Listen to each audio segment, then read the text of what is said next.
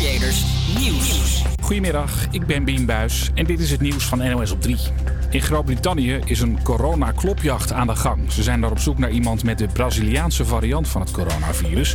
Diegene weet zelf niet dat hij besmet is en is tot nu toe nergens te vinden, vertelt correspondent Tim de Wit. Deze persoon heeft het registratieformulier na de coronatest niet ingevuld. Dus er is geen telefoonnummer van hem of haar bekend, ook geen adres. En daarop sloegen de autoriteiten direct alarm. Want over die Braziliaanse variant zijn een hoop zorgen. Daarvan vrezen experts dat vaccins er geen of geen goede grip op hebben. Eh, ook is het nog eens besmettelijker dan de Britse variant van het virus. Ja, dus als deze persoon meer mensen besmet de komende dagen, dan is dat direct zorgelijk. De Britse overheid hoopt dan ook dat iedereen die denkt dat hij de besmette persoon kent, zo gauw mogelijk een noodnummer belt. Vanochtend moesten scholieren eindelijk hun rugtassen weer eens volladen met boeken. De middelbare scholen mochten na 75 dagen deels weer open. Op deze school in Spijkenisse loopt er iemand rond met een stok om ervoor te zorgen dat de kinderen genoeg afstand houden. Ja, want het is uh, best nog veel, anderhalve meter. Je denkt dat het niet zoveel is. Dus uh, die loopt met anderhalve meter stok en uh, laat dan zien ook aan de kinderen van... jongens, dit is echt anderhalve meter. Bij de ingang wordt ook nog gecheckt of leerlingen hun mondkapje wel dragen en ze moeten daar ook hun handen desinfecteren. Politie heeft vorige week net geen 7000 boetes uitgedeeld voor het niet naleven van de avondklok. Dat zijn er dik 500 meer dan een week eerder. Ook werden er weer tientallen illegale feesten beëindigd en honderden boetes uitgedeeld voor groepsvorming en het niet houden van afstand. Een inwoner van Loon op Zand is al een week op zoek naar zijn zeldzame roofvogel, een kuif caracara. Die hield hij in een kooi achter zijn huis, totdat de roofvogel het hok zelf wist open te krijgen en er vandoor ging. De dagen daarna vloog hij nog een paar keer over het huis, maar nu is hij weg. En de eigenaar looft een beloning uit van 500 euro voor degene met de gouden tip. De vogel heet trouwens Pino. Het weer. Vanmiddag schijnt op wat meer plekken de zon. Temperatuur ligt tussen de 7 en de 12 graden. Morgen nog wat meer zon. Kan dan plaatselijk 16 graden worden.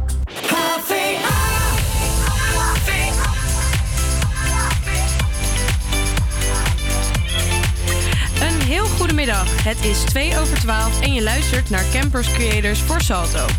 Ga er lekker voor zitten. Zoals je misschien wel hebt gehoord, is dit een andere stem dan jullie normaal op de maandag gewend zijn. De aankomende twee uur gaan Chauvin, Isabel en ik jouw middag opvrolijken. Welkom bij onze eerste uitzending. Zometeen hoor je meer over hoe de komende twee uur gevuld gaan worden, maar eerst hoor je Feel Something van Armin van Buren.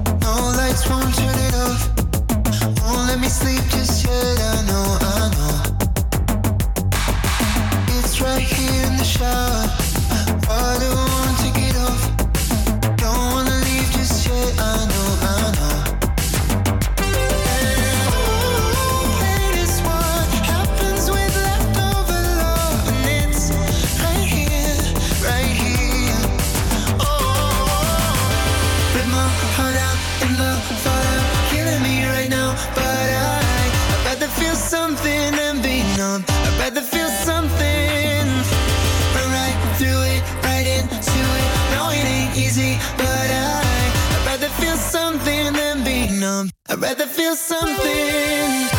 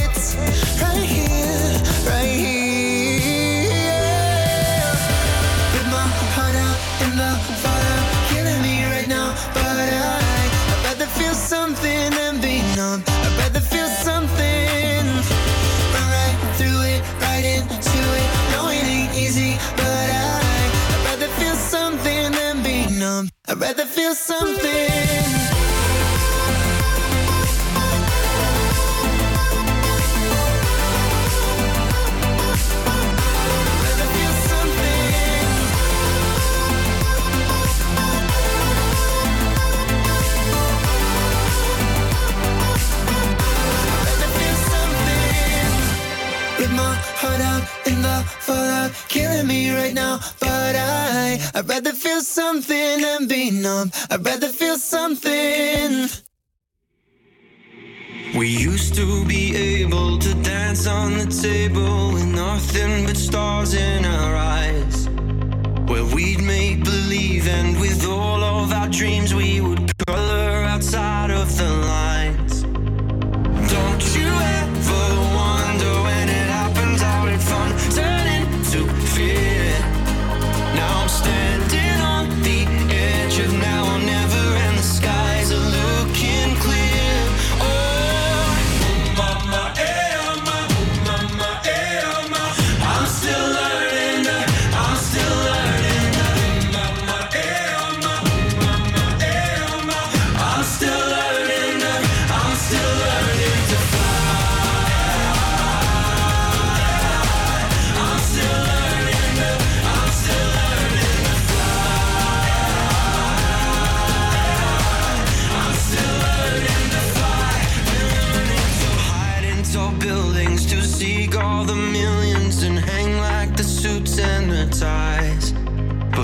But deep inside us. Is trying to remind us what it means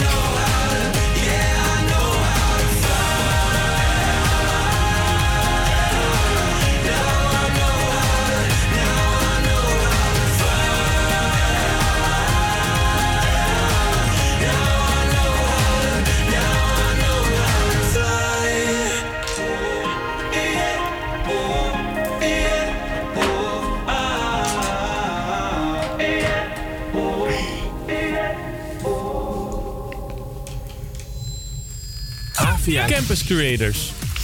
Dat was Shepard met Learning to Fly. De aankomende maanden zullen jullie ons elke maandag tussen 12 en 2 horen. Vandaag is het de dag van de discriminatie en daarom staat onze uitzending in het teken van vrouwendiscriminatie. We gaan het hebben over verschillende onderwerpen rondom vrouwendiscriminatie. Zo bellen wij met Robin over zwangerschapsdiscriminatie. We gaan de kennis van twee mannen testen over vrouwen. En last but not least praten we met Milou van Delen over haar visie op de vrouw in de huidige maatschappij. Nu eerst Shakira met Hips Don't Lie. Ladies up in here tonight. No fighting. We got the refugees No up in fighting. here. No fighting. Shakira, Shakira. Never really knew that she could dance like this. She make a man wanna speak Spanish. Como se llama? Bonita. Picasa. Shakira, Shakira. Oh, baby, when you talk like that, you make a woman go mad. So be wise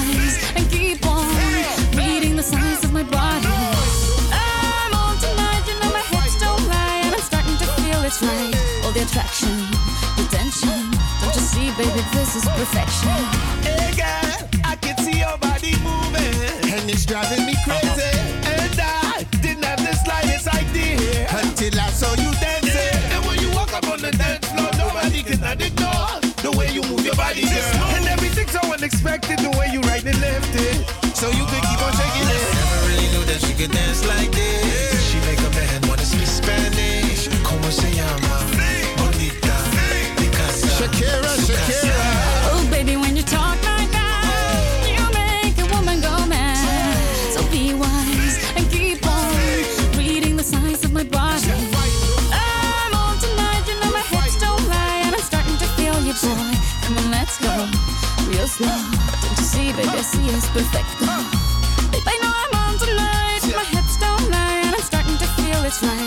attraction, attention.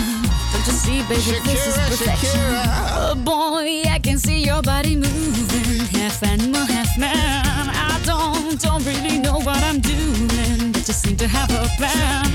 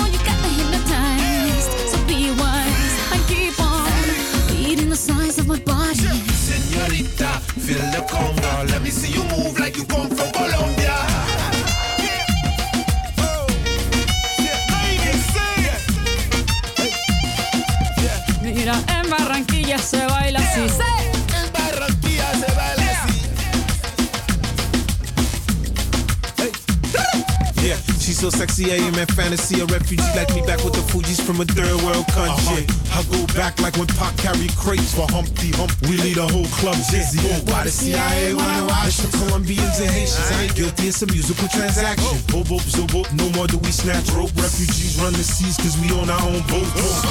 I'm on tonight, my hips don't lie, and I'm starting to feel you, boy. Come on, let's go, real slow. Baby, like this is perfect. Oh, you know I'm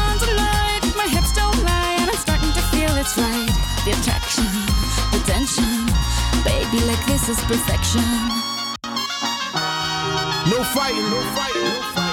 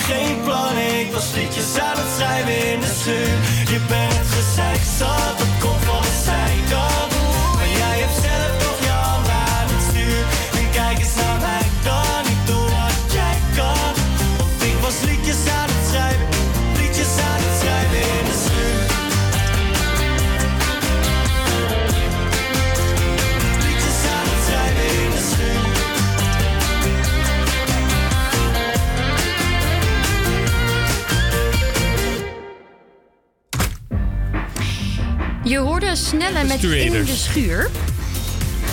Ehm, ja, we gaan het hebben over straatintimidatie. Stichting Stop Straatintimidatie is een vrijwilligersorganisatie die zich eh, inzet voor straatintimidatie in Nederland en wil dat het liefst uitbannen. Ze zetten zich vooral in uh, door onder andere voorlichting te geven en een luisterend oor te bieden. Als het goed is, heb ik Nikki aan de telefoon. Klopt dat? Ja, hi. Hi, goedemiddag. Hey, wat was de aanleiding om de stichting op te zetten? Nou, eh, het is in eerste instantie opgezet als burgerinitiatief eigenlijk om eh, straatintimidatie straf- strafbaar te stellen. Dus op nationaal niveau aan te geven van dit kan niet en het moet gewoon worden beboet. Ja, en waarom is het zo belangrijk om hier aandacht aan te vragen?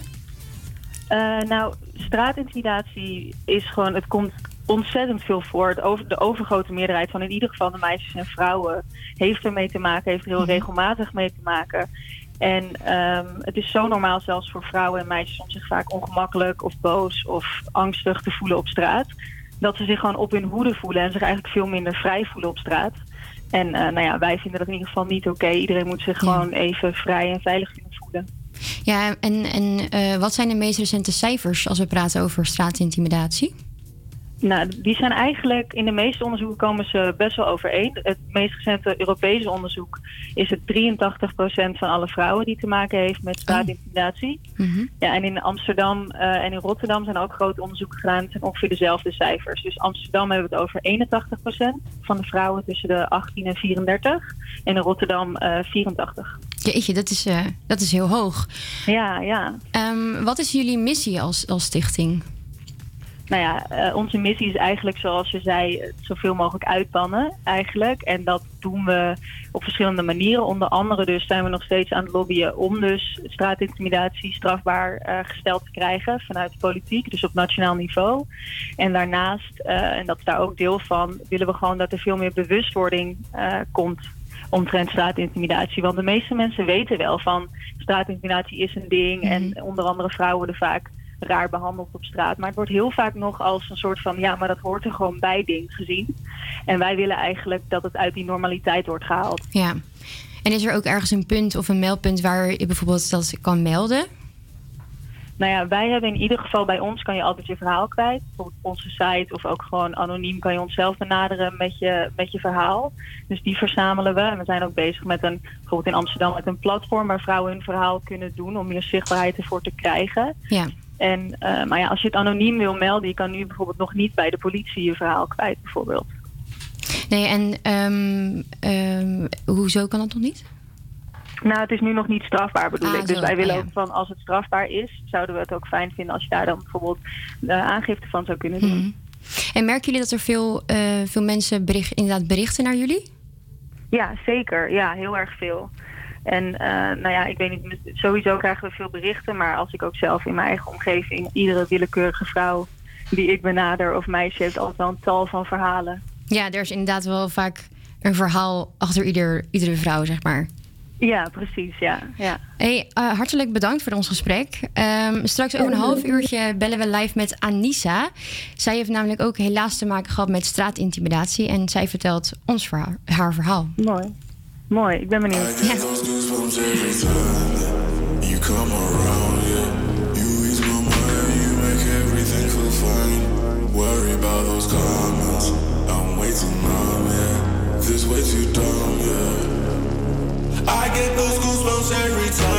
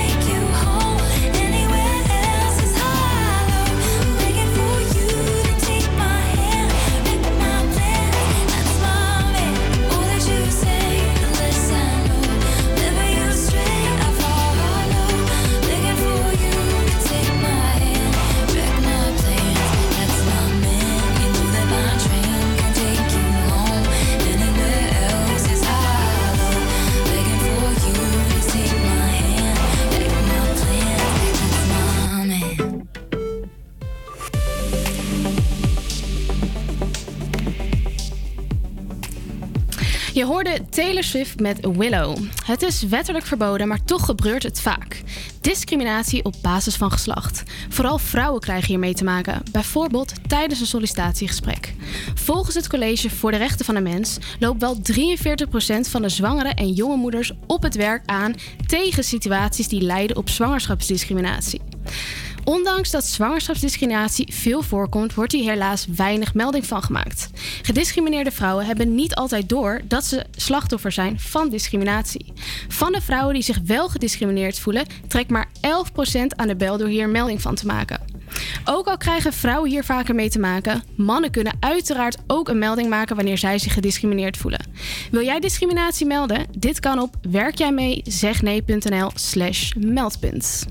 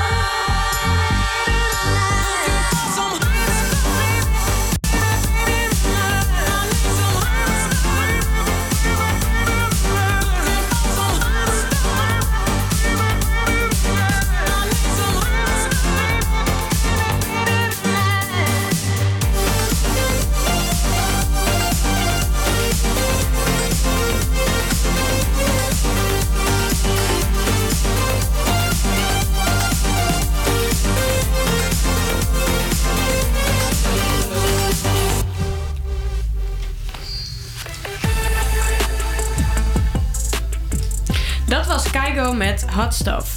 In onze wekelijkse rubriek, rubriek Street Talk houden wij een kleine recap over wat ons de afgelopen week is opgevallen. De Eerste Kamer gaat een parlementair onderzoek doen naar de effectiviteit van de antidiscriminatiewetgeving. De Kamer stemde afgelopen dinsdag in met een parlementair onderzoek naar het effect van discriminatiewetten. De fracties van PVV, Fractie Nanninga, SGP en Forum voor Democratie stemden allemaal tegen. Het was jullie waarschijnlijk al opgevallen, maar het mooie weer op 24 februari zorgde op meerdere plekken voor grote druk in de parken.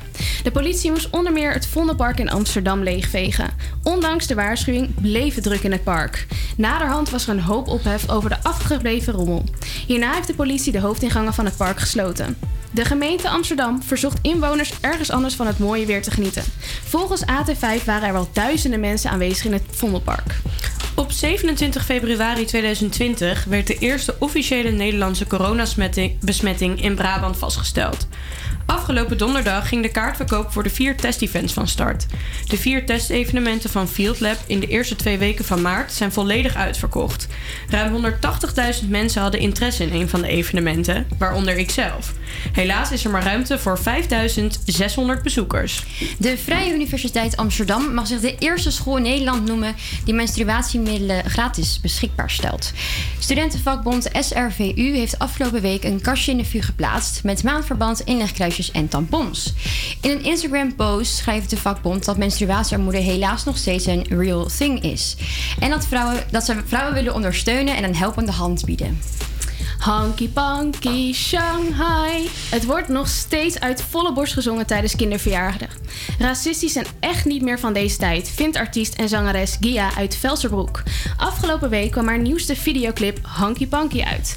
Hierin wil ze kinderen bewust maken van wat ze eigenlijk zingen en hoe kwetsend het is voor de Aziatische gemeenschap.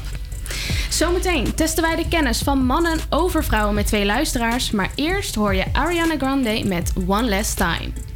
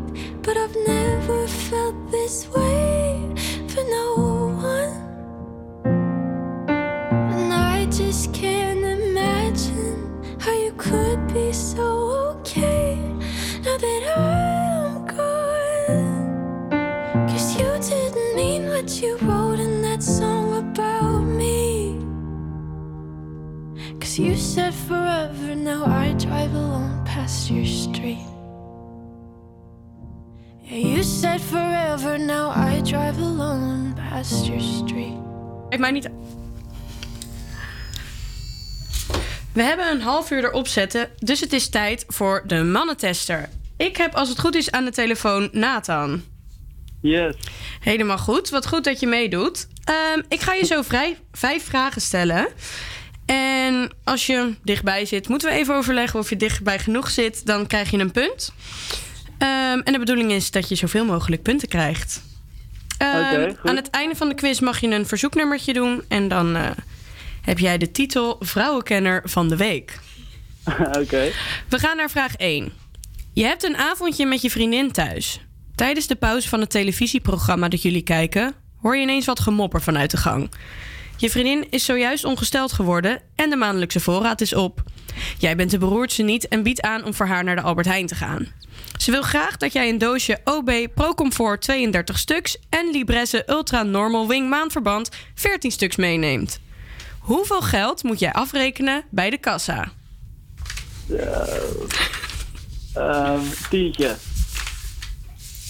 Uh, Je zat niet eh, in de buurt. Het is 5,64 euro. Oh, oké. We gaan verder naar vraag 2. Een vrouw wil graag overstappen van anticonceptie. Momenteel slikt ze de pil, maar ze wil graag overstappen op het Mirena-spiraal omdat ze het een spannende ingreep vindt, laat ze dit doen bij de gynaecoloog. Hoeveel geld moet zij volgens Independer betalen? Ehm vier tientjes. Euro. Vier tientjes. Nou, die moet ik helaas fout rekenen, want het gaat om 410 euro. Oh, zo. Gaan we over naar vraag 3. Op 17 maart zijn natuurlijk de verkiezingen. In de Tweede Kamer is het grootste gedeelte man. Maar hoeveel vrouwen zitten er in de Tweede Kamer? Ehm 25? 47. Zonde. Nou, dan gaan we naar vraag 4. Eh, Libelle heeft onderzoek gedaan naar hoe lang de gemiddelde vrouw in haar leven ongesteld is. Hoeveel jaar is dit? 3,5 jaar. 10 jaar. Het gaat om 3500 dagen gemiddeld. Dan gaan we naar de laatste vraag. Ehm, Libelle heeft ook onderzoek gedaan naar hoeveel procent van de vrouwen een orgasme tijdens de seks faked. Hoeveel procent van de vrouwen faked een orgasme? 40 procent. 67. Er staat erbij, de reden waarom vrouwen wel eens doen alsof... het is soms makkelijker dan daadwerkelijk een orgasme krijgen. Ook willen Ja. veel vrouwen hun partners niet het gevoel geven dat ze het niet goed doen... of hebben ze gewoon geen zin om het heel lang te doen. Ehm, Nathan, de vijf antwoorden die je hebt gegeven... komen niet heel erg in de buurt. Maar eh, als dank voor je deelname willen we je toch vragen... om een eh, verzoeknummertje in te dienen. Top. Ik wil eh, Juicy horen van Notorious B.I.G. Komt eraan. En Top, dankjewel. dankjewel. Doei. Dank je. Doei doei.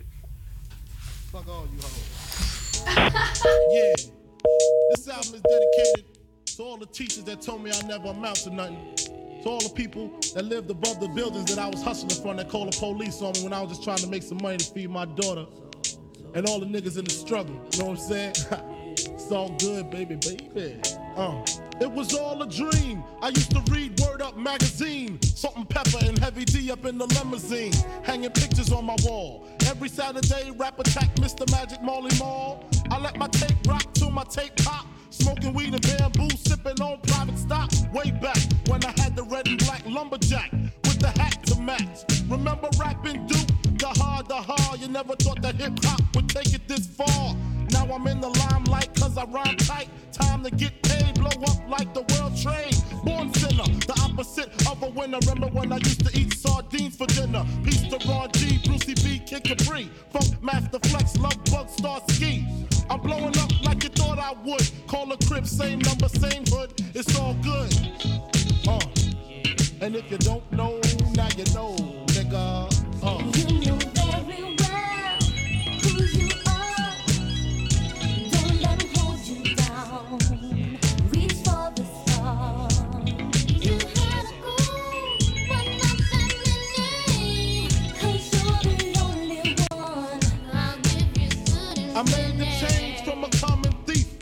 close and personal with Robin Leach. And I'm far from cheap. I smoke skunk with my peeps all day. Spread love, it's the Brooklyn way. The Moet and Alizé keep me pissy. Girls used to diss me, now they write letters cause they miss me. I never thought it could happen, this rapping stuff. I was too used to packing gats and stuff. Now honeys play me close like butter play toast. From the Mississippi down to the East Coast, condos in Queens, in dough for weeks. Sold out seats to hear Biggie Small speak. Living life without fear, putting five carrots in my baby girl ear. Lunches, brunches, interviews by the pool. Considered a fool cause I dropped out of high school. Stereotypes of a black male misunderstood. And it's still all good, uh. And if you don't know, now you know, nigga.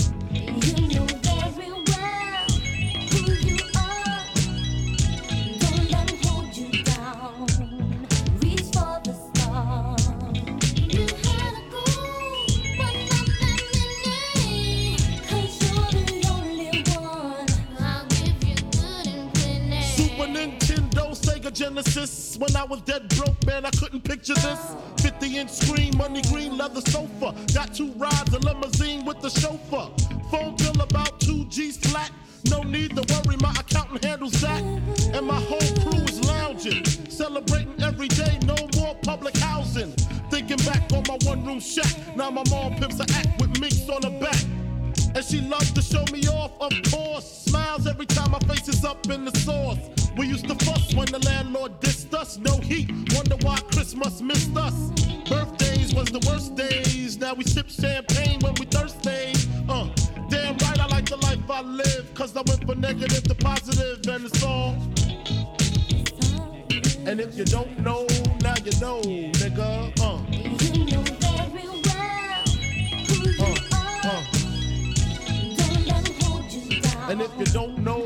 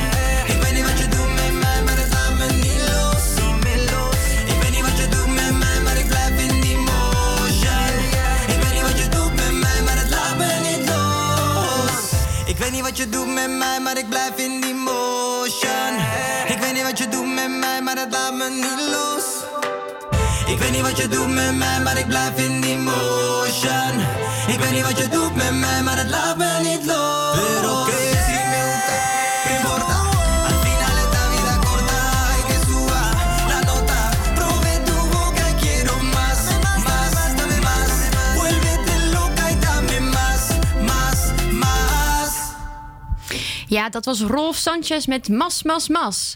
In 2018 wees Amsterdam onderzoek uit dat er uit de ondervraagde vrouwen ruim de helft te, aangaf te maken te hebben gehad met straatintimidatie in de afgelopen 12 maanden.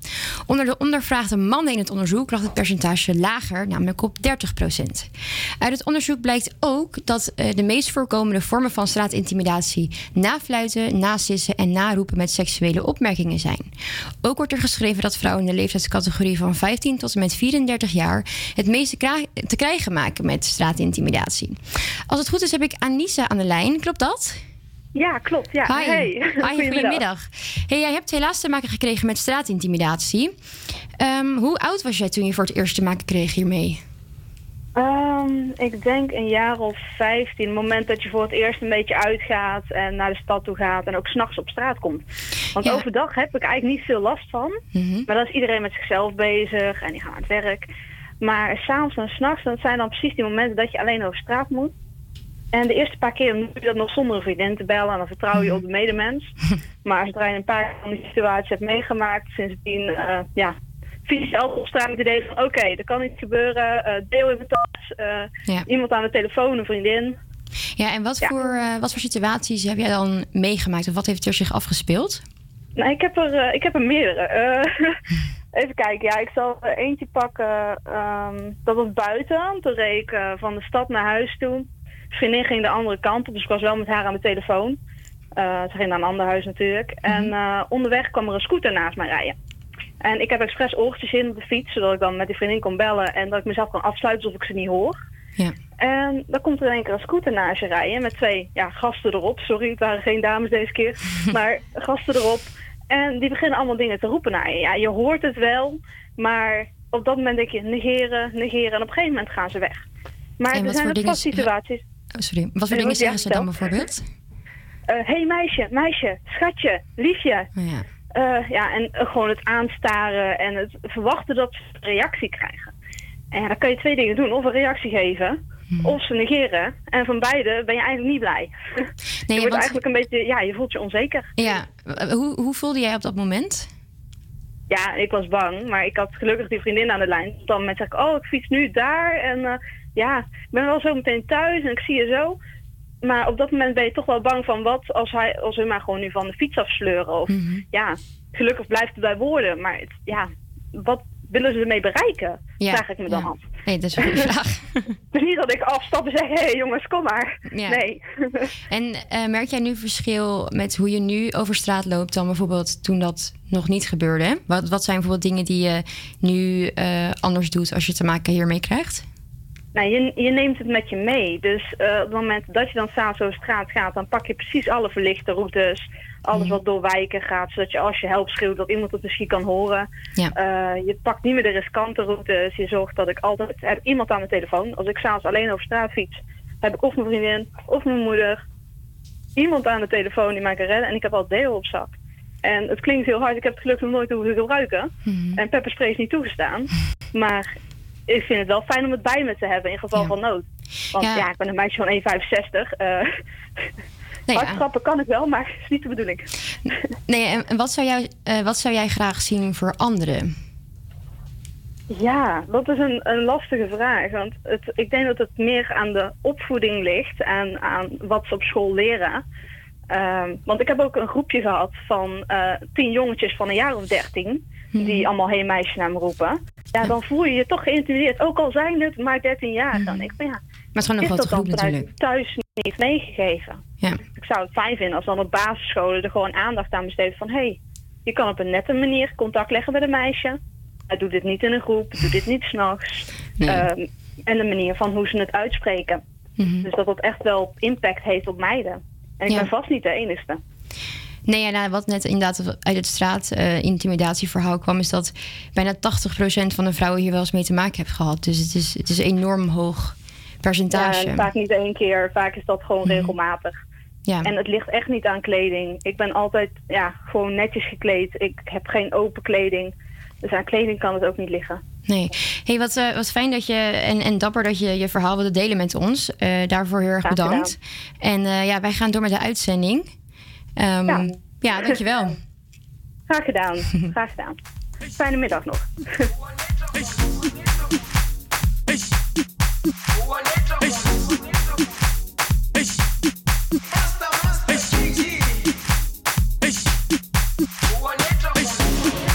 Jerusalema ikhaya lami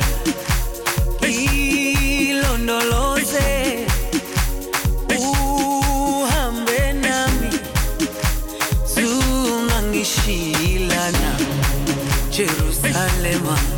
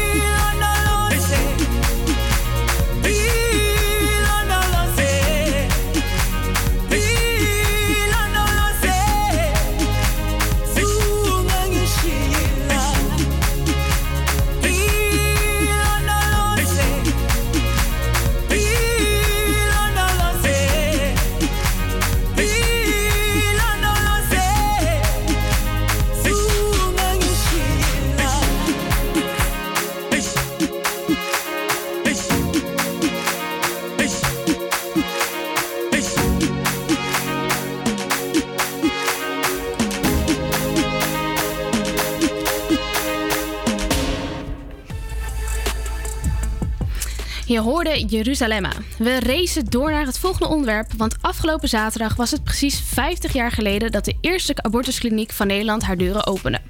Jaarlijks worden er in Nederland ongeveer 30.000 abortussen uitgevoerd. De wet afbreking zwangerschap bepaalt wie een abortus wil. Vijf dagen na het contact met een arts moet wachten voor de behandeling uitgevoerd mag worden. Voor veel zwangeren is de bedenktijd overbodig. Zo bleek uit een evaluatie door het AMC vorig jaar. De grootste groep zei zelf al over de beslissing te hebben nagedacht en wil dus niet dat de behandeling wordt uitgesteld. De bedenktijd van vijf dagen voor vrouwen die voor een abortus kiezen is wat het ruime Kamermeerderheid betreft van de baan. Het demissionaire kabinet, kabinet heeft al aangegeven vlak voor de verkiezingen niet met een wijziging van de abortuswetgeving te willen komen. Het blijft dus maar de vraag hoe snel het besluit van de huidige Tweede Kamer in de praktijk wordt gebracht. Je hoort nu bij ons op Salto het nieuws. Campus Creators Nieuws. Goedemiddag, ik ben Bien Buis en dit is het nieuws van NOS op 3. In Groot-Brittannië is een corona-klopjacht aan de gang. Ze zijn daar op zoek naar iemand met de Braziliaanse variant van het coronavirus. Diegene weet zelf niet dat hij besmet is en is tot nu toe nergens te vinden, vertelt correspondent Tim de Wit. Deze persoon heeft het registratieformulier na de coronatest niet ingevuld. Dus er is geen telefoonnummer van hem of haar bekend, ook geen adres. En daarop sloegen de autoriteiten direct alarm. Want over die Braziliaanse variant zijn een hoop zorgen. Daarvan vrezen experts dat vaccins er geen of geen goede grip op hebben. Eh, ook is het nog eens besmettelijker dan de Britse variant van het virus. Ja, dus als deze persoon meer mensen besmet de komende dagen, dan is dat direct zorgelijk. De Britse overheid hoopt dan ook dat iedereen die denkt dat hij de besmette persoon kent, zo gauw mogelijk een noodnummer belt. Vanochtend moesten scholieren eindelijk hun rugtassen weer eens volladen met boeken. De middelbare scholen mochten na 75 dagen deels weer open. Op deze school in Spijkenisse loopt er iemand rond met een stok om ervoor te zorgen dat de kinderen genoeg afstand houden. Ja, want het is eh, best nog veel, anderhalve meter. Je denkt dat het niet zoveel is. Dus eh, die loopt met anderhalve meter stok en eh, laat dan zien ook aan de kinderen van... jongens, dit is echt anderhalve meter. Bij de ingang wordt ook nog gecheckt of leerlingen hun mondkapje wel dragen en ze moeten daar ook hun handen desinfecteren. Politie heeft vorige week net geen 7000 boetes uitgedeeld voor het niet naleven van de avondklok. Dat zijn er dik 500 meer dan een week eerder. Ook werden er weer tientallen illegale feesten beëindigd en honderden boetes uitgedeeld voor groepsvorming en het niet houden van afstand. Een inwoner van Loon op Zand is al een week op zoek naar zijn zeldzame roofvogel, een kuif caracara. Die hield hij in een kooi achter zijn huis, totdat de roofvogel het zelf wist open te krijgen en er vandoor ging. De dagen daarna vloog hij nog een paar keer over het huis, maar nu is hij weg. En de eigenaar looft een beloning uit van 500 euro voor degene met de gouden tip. De vogel heet trouwens Pino. Het weer. Vanmiddag schijnt op wat meer plekken de zon. Temperatuur ligt tussen de 7 en de 12 graden. Morgen nog wat meer zon. Kan dan plaatselijk 16 graden worden. Het eerste uur zit er alweer op. In het volgende uur kun je rekenen op onze stelling van de week. Gaan we het hebben over slutshaming. Spreken wij Robin over haar ervaring met zwangerschapsdiscriminatie. En praten wij met Melou Delen over eh, onder andere hoe zij haar bedpartners een tikkie stuurde na een vrijpartij.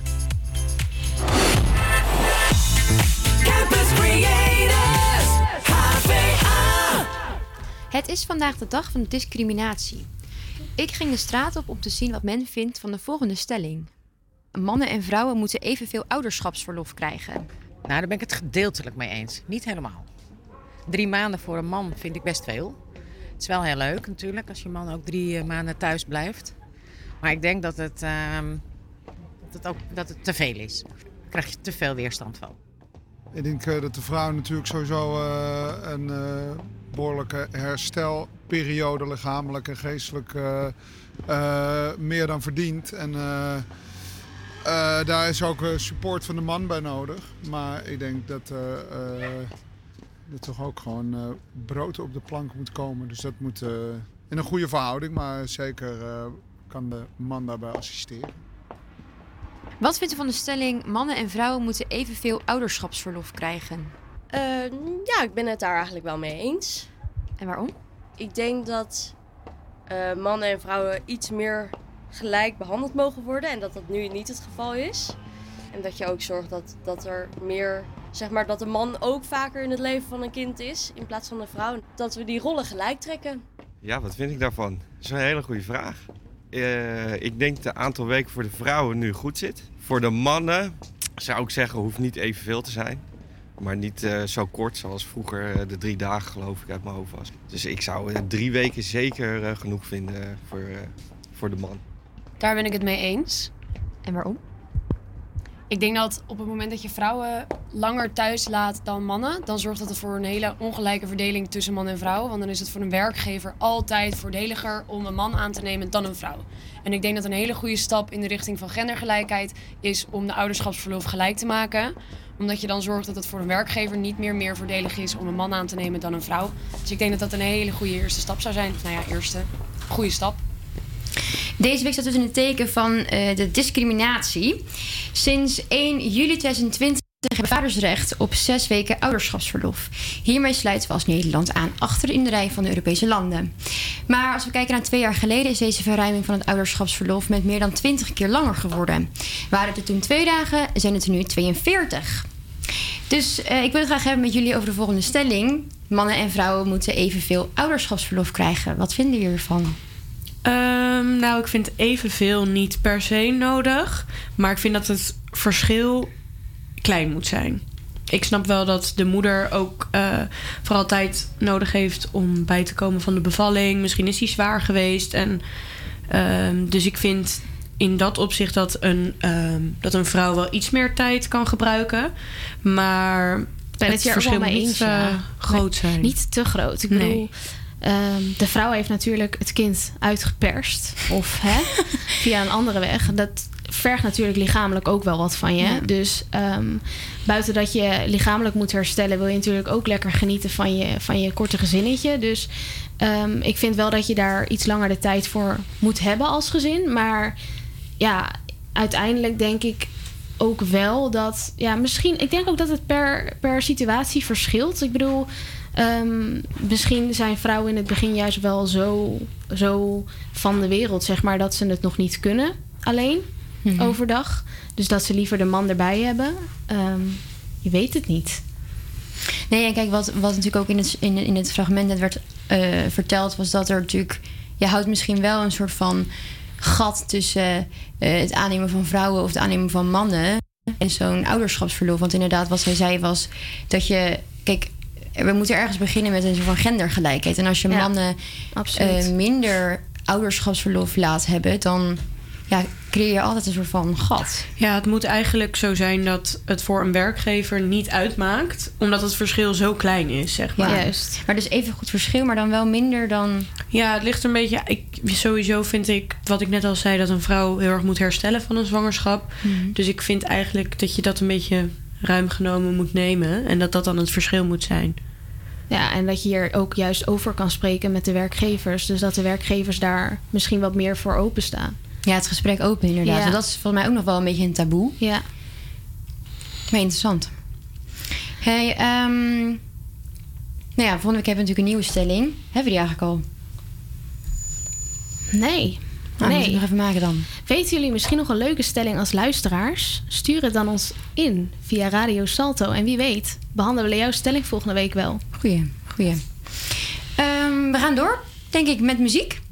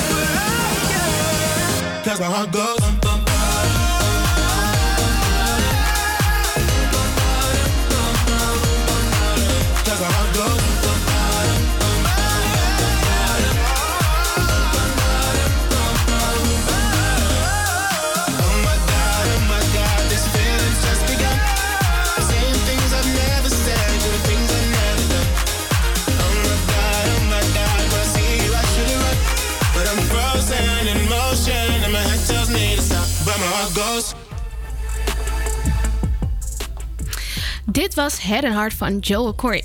Ik wil het graag even met jullie hebben over het onderwerp slutshaming. Slutshaming verwijst naar het bestempelen van een meisje of vrouw als slet of hoer vanwege haar seksueel gedrag. Tegenwoordig worden deze termen door jongeren op social media gebruikt. Hoewel vrienden onder elkaar de woorden als slet en hoer gebruiken zonder een kwetsende bedoeling, neemt het toch vaak de vorm van beledigen of pesten aan. Milou Delen maakte ter ere van Internationale Vrouwendag in 2017 een indrukwekkende video die meer dan 360.000 keer is bekeken. Met het filmpje vraagt ze aandacht voor de vrouwontvriendelijkheid in het studentenkorps, waar ze zelf ook lid van is.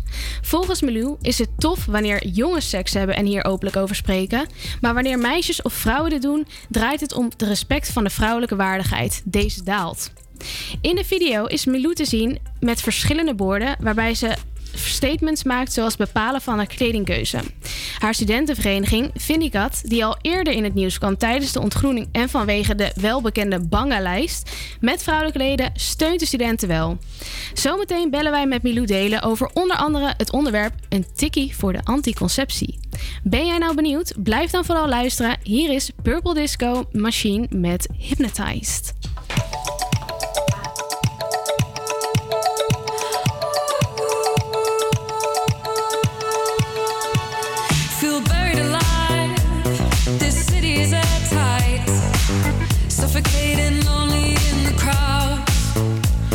I'm surrounded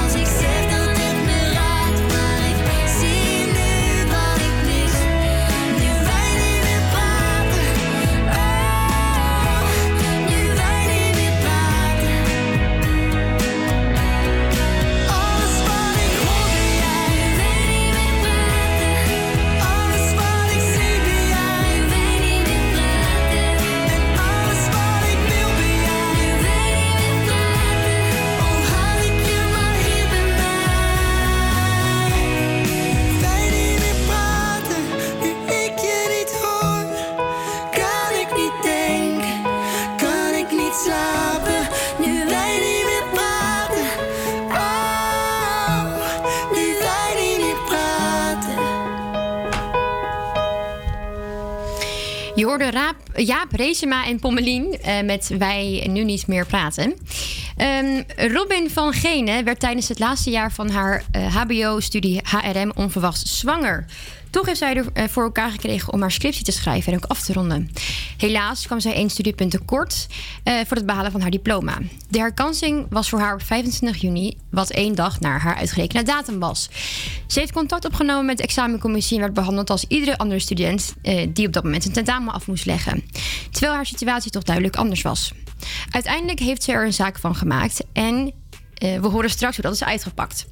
Eh, Robin, eh, heb ik je aan de lijn? Ja, hoi. Hi, goeie, goedemiddag.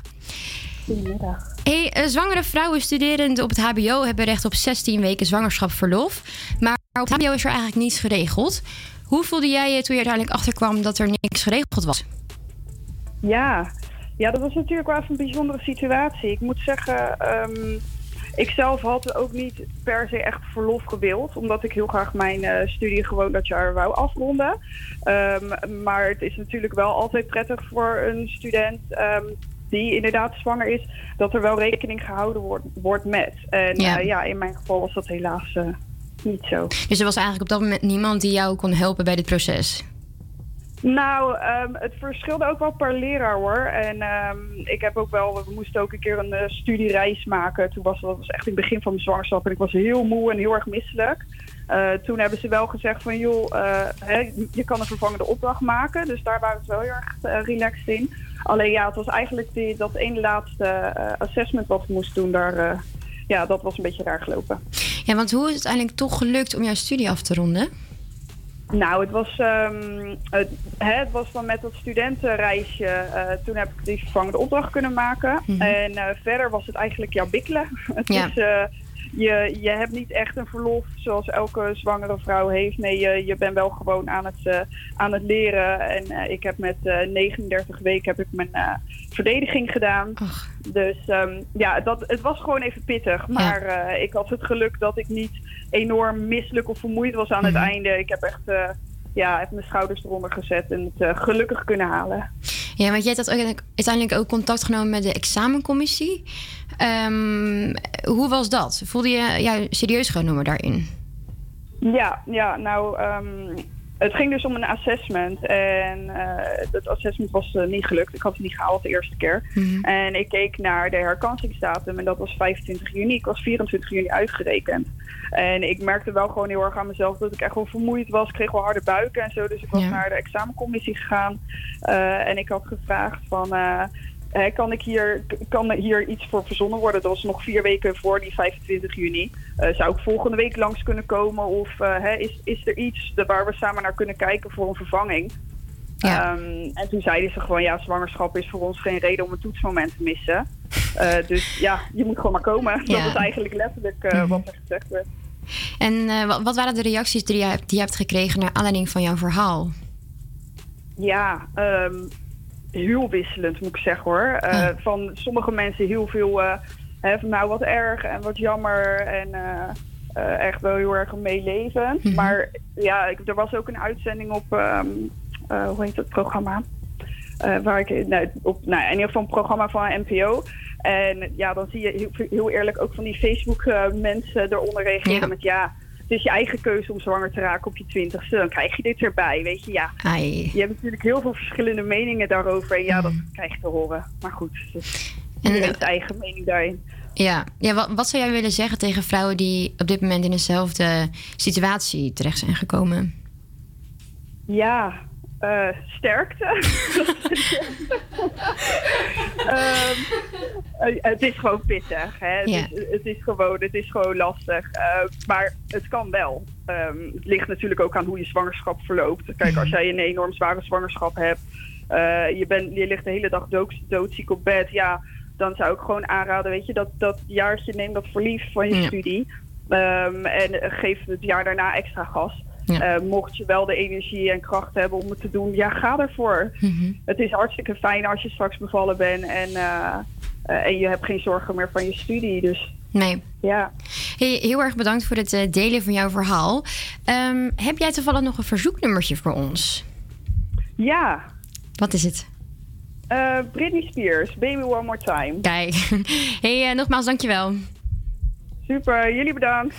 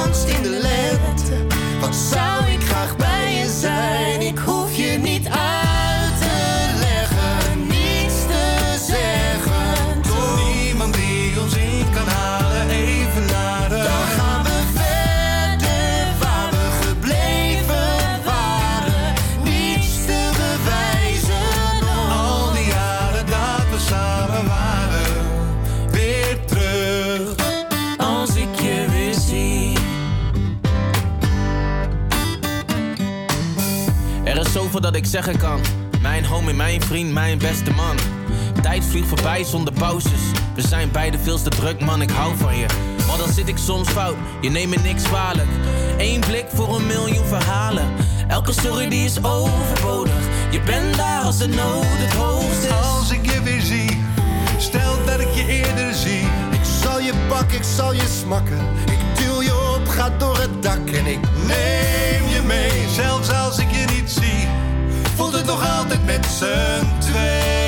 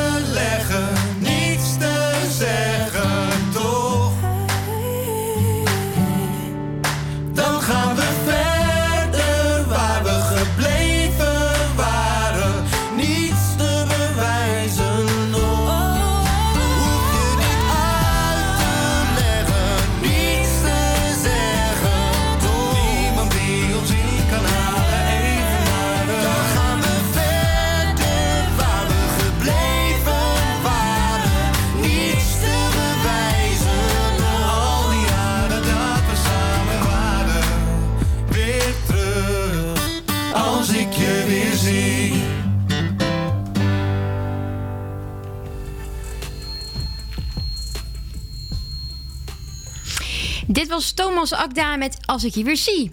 De Kamer nam afgelopen donderdag een motie aan om anticonceptie weer in het basispakket op te nemen. De overweging daarbij is dat de kosten bij anticonceptie niet mogen meespelen. Ook hiervoor geldt dat het volgende kabinet daarover een definitief besluit moet nemen. Als we dan toch praten over anticonceptie in het basispakket, hoe staat het eigenlijk met de mannen-anticonceptie? Er lopen hier al enige tijd onderzoeken naar, maar het ziet er nou uit dat we ergens medio 2022 verandering eh, gaan zien in de anticonceptieverdeling tussen mannen en vrouwen. Op dit moment wordt er, wordt er getest met een soort van hormooncrème die mannen op hun schouders moeten smeren, waardoor de zaadproductie wordt afgeremd. Deze gel moet, moeten mannen elke dag op hun schouders smeren, ehm, net als het gebruik van de pil voor een vrouw. Het enige nadeel tot nu toe is dat de effectiviteit pas na 8 tot 16 weken te merken is. Er gaat dus een enige tijd overheen voordat het echt zorgt voor de anticonceptie. Een voordeel van de gel is dat onderzoekers ervoor hebben gezorgd dat er toch iets van testosteron wordt toegevoegd, zodat het libido van de man niet verdwijnt. Elke week hebben wij een terugkomend item, de klaagmuur. Deze week uiten wij onze frustraties over de anticonceptie. Isabelle, wat vind jij daarvan? Nou, ik heb hier eigenlijk heel veel over te zeggen. Want ik sta echt wel volledig achter anticonceptie in het basispakket. Aangezien het eh, best wel prijzig is, vooral het laten zetten van een spiraal. eh, volgens mij is het sowieso vanaf je 25ste dat je er. Of 22ste? 21 dacht ik. 21, ja, dat zou ook wel kunnen dat je er sowieso voor moet betalen. Ehm, ja, dat is gewoon hartstikke duur. Als je het niet zo breed hebt. Nou, gewoon sowieso. Het hoort bij vrouw zijn. Dus ik vind gewoon dat je dat in je basispakket hoort te hebben. Het mannen-anticonceptie dingetje. Ja, ik vind het wel fijn als dat gelijk getrokken wordt. Want mannen mogen ook wel eens een keertje hè, afzien van wat wij vrouwen allemaal meemaken. Ja. Maar ja, eerlijk, ik vertrouw mijn vriend daar niet mee hoor. Nee? ik, weet niet hoe het met jou zit. Maar ja, als ik, eh, dan moet ik alsnog tegen mijn vriend zeggen elke avond: Goh, hè? Smeer dat crème even op je armen, op je schouders. Ja, nee, dat, eh, dat gaat hij 100% vergeten. Nee, ik laat het toch wel liever in mijn eigen handen. Maar, en gedeeld? De double Dutch noemen ze dat volgens mij ook eh, in de, double Dutch, ja, gaat dat niet helemaal door elkaar heen lopen? Ja, ik, ik weet het niet. Er moet eh, onderzoek uit, uitwijzen. Wat vind jij daarvan? Ik vind zeker dat de man ook wat meer moeite mag doen. Ja, toch? Zeker. Helemaal en ik vind eens. ook dat de man daar eh, de verantwoordelijkheid voor zou moeten voelen. Alleen denk ik dat dat nu eh, nog niet helemaal zo is. Maar ook omdat ze dat niet zijn gewend.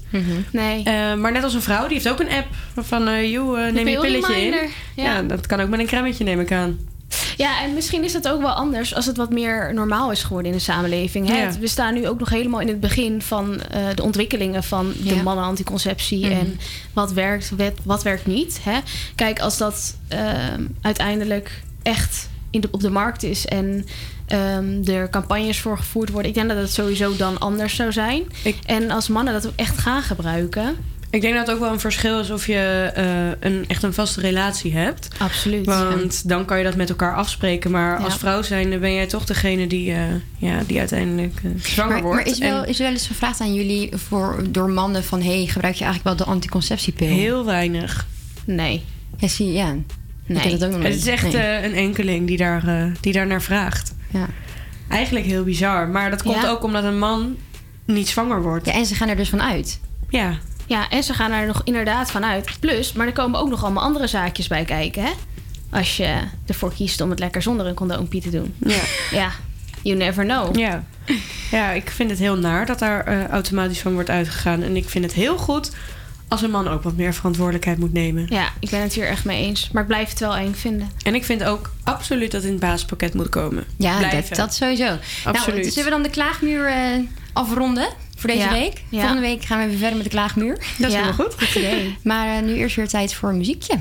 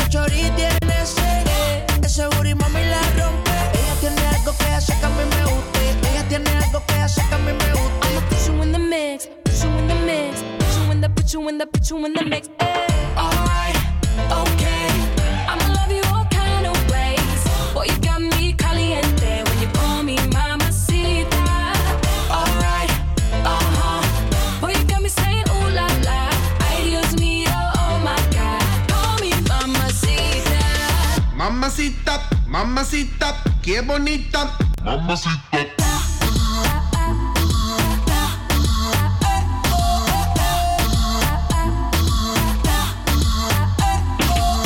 Dame eso, dame beso, dame tu corazón, dame cuerpo. Mommy, when you give me body, I won't let go. You the best, baby. Yep, you special. Damn, baby, I want what you got.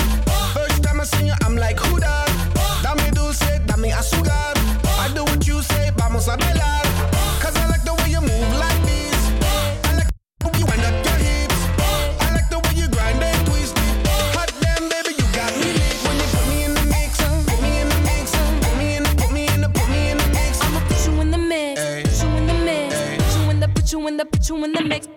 Alright, okay. I'ma love you all kind of ways. Boy, you got me caliente when you call me mamacita.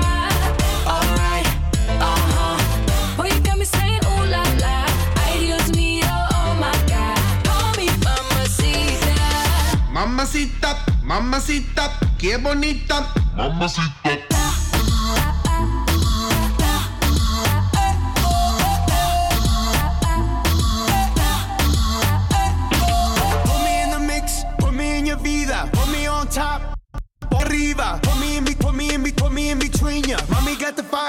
Gasolina.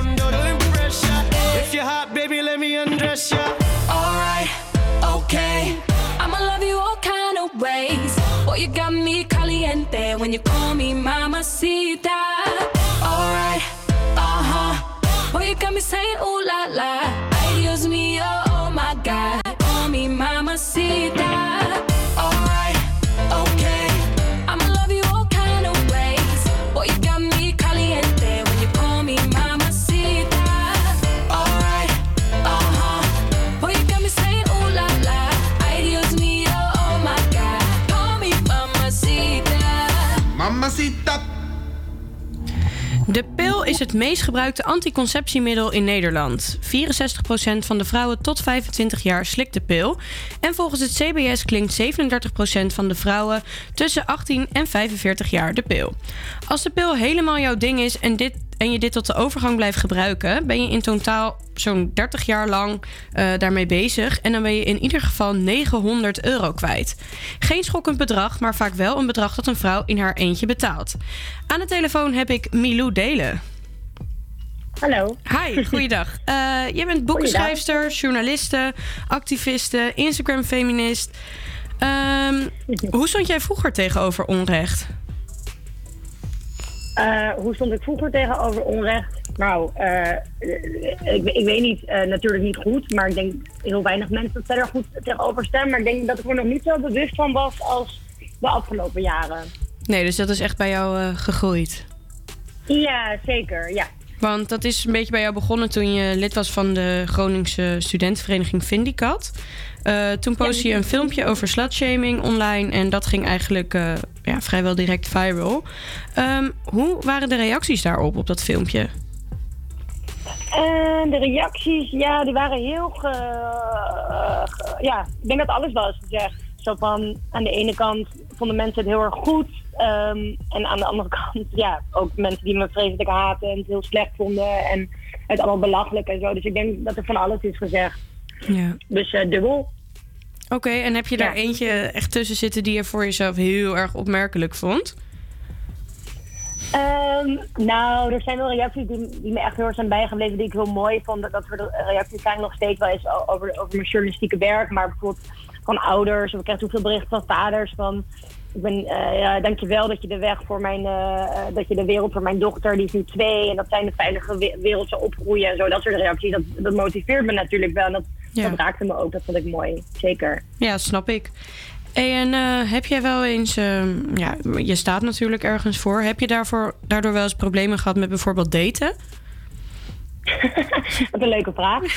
nou, of ik wel eens problemen heb gewoon met daten daardoor. Ik weet het niet. Eh, ik, ik, nou, ik zou het niet weten. Er zullen vast eh, ongetwijfeld mensen zijn die om veel redenen, om die reden in ieder geval niet met mij zullen daten. Maar ik denk ook wel dat heel veel mensen het juist wel leuk vinden en goed.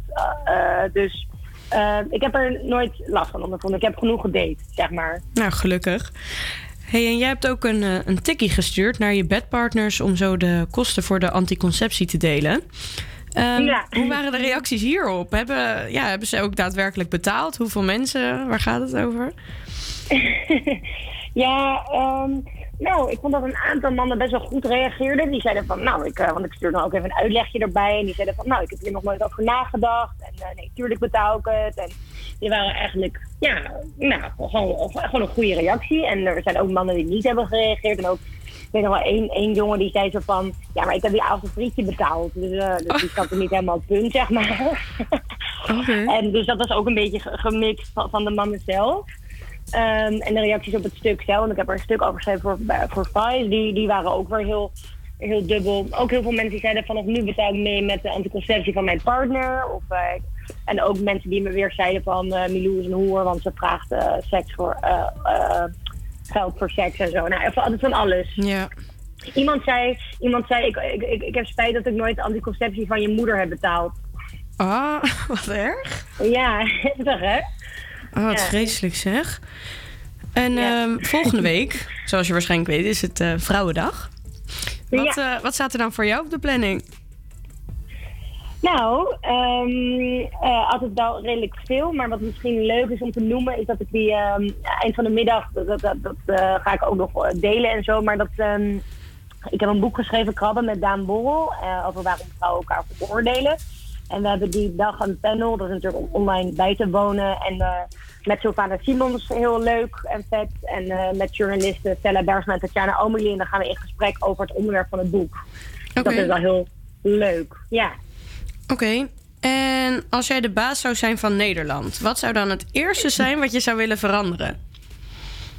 Ehm, nou, ik zou de eh, grondwet naleven. Ik denk dat dat, dat is niet zo concreet, maar dat is nu iets wat eh, nog vaak niet gebeurt. En wat ik eh, misschien nu concreet. Het eerste wat net in me opkwam was ook ehm, eh, abortus uit het wetboek van strafrecht halen. Eh, ja, ik zou eigenlijk heel veel dingen doen. Ik weet niet. Dat? Ik zou een hele lijst hebben. Oké, dat eh, geloof ik meteen. Hey, ja, en- eigenlijk alles waar, waar, ik over schrijf en waar ik mee bezig ben. En dat zou ik eigenlijk allemaal meteen toepassen. Nou, het zou de wereld wel een stukje beter maken, denk ik. Nou, dat hoop ehm, ik. waarin loopt Nederland volgens jou nou echt het meest achter? Als je kijkt naar andere landen. Ehm, ja, dat hangt er natuurlijk van af met welke landen je het vergelijkt. Maar ehm, in Nederland werken eh, eh, van de hele EU werken in Nederland de meeste vrouwen deeltijd. Dus in, Ne- ja, in Nederland werken de meeste vrouwen deeltijd van de hele EU. En ik denk dat daar nog echt wat te, te, te winnen valt. Want Ja. Ehm, zolang vrouwen, denk, denk ik in ieder geval, deeltijd blijven werken, zullen er. Kijk, je kan niet minister-president worden of eh, een topadvocaat of een topdokter als je niet fulltime werkt. Of denk, in- dat heb ik in ieder geval nog nooit in mijn omgeving gezien. Dus, eh, en eh, ja, ik- en we moeten denk ik ook op hogere functies komen, eh, vrouwen. En als ze deeltijd blijven werken, zal dat niet gebeuren, denk ik. Dus eh Nee. er eh, is genoeg werk aan de winkel. Zeker, goed punt. hey, ehm, we gaan zo'n eh, verzoeknummertje van jou draaien. Heb je een verzoeknummertje? Ja, dat is van S10. Ik weet niet of jullie haar kennen. Zij is een Nederlandse rapper en zangeres. En ik vind haar muziek heel, heel cool. En ehm, het nummer heet De Handen van Mijn Moeder. Oké, dan gaan wij die zo mooi. voor je, voor je draaien. Hey, heel erg bedankt voor je tijd. En eh, heel veel succes met wat je allemaal eh, mee bezig bent.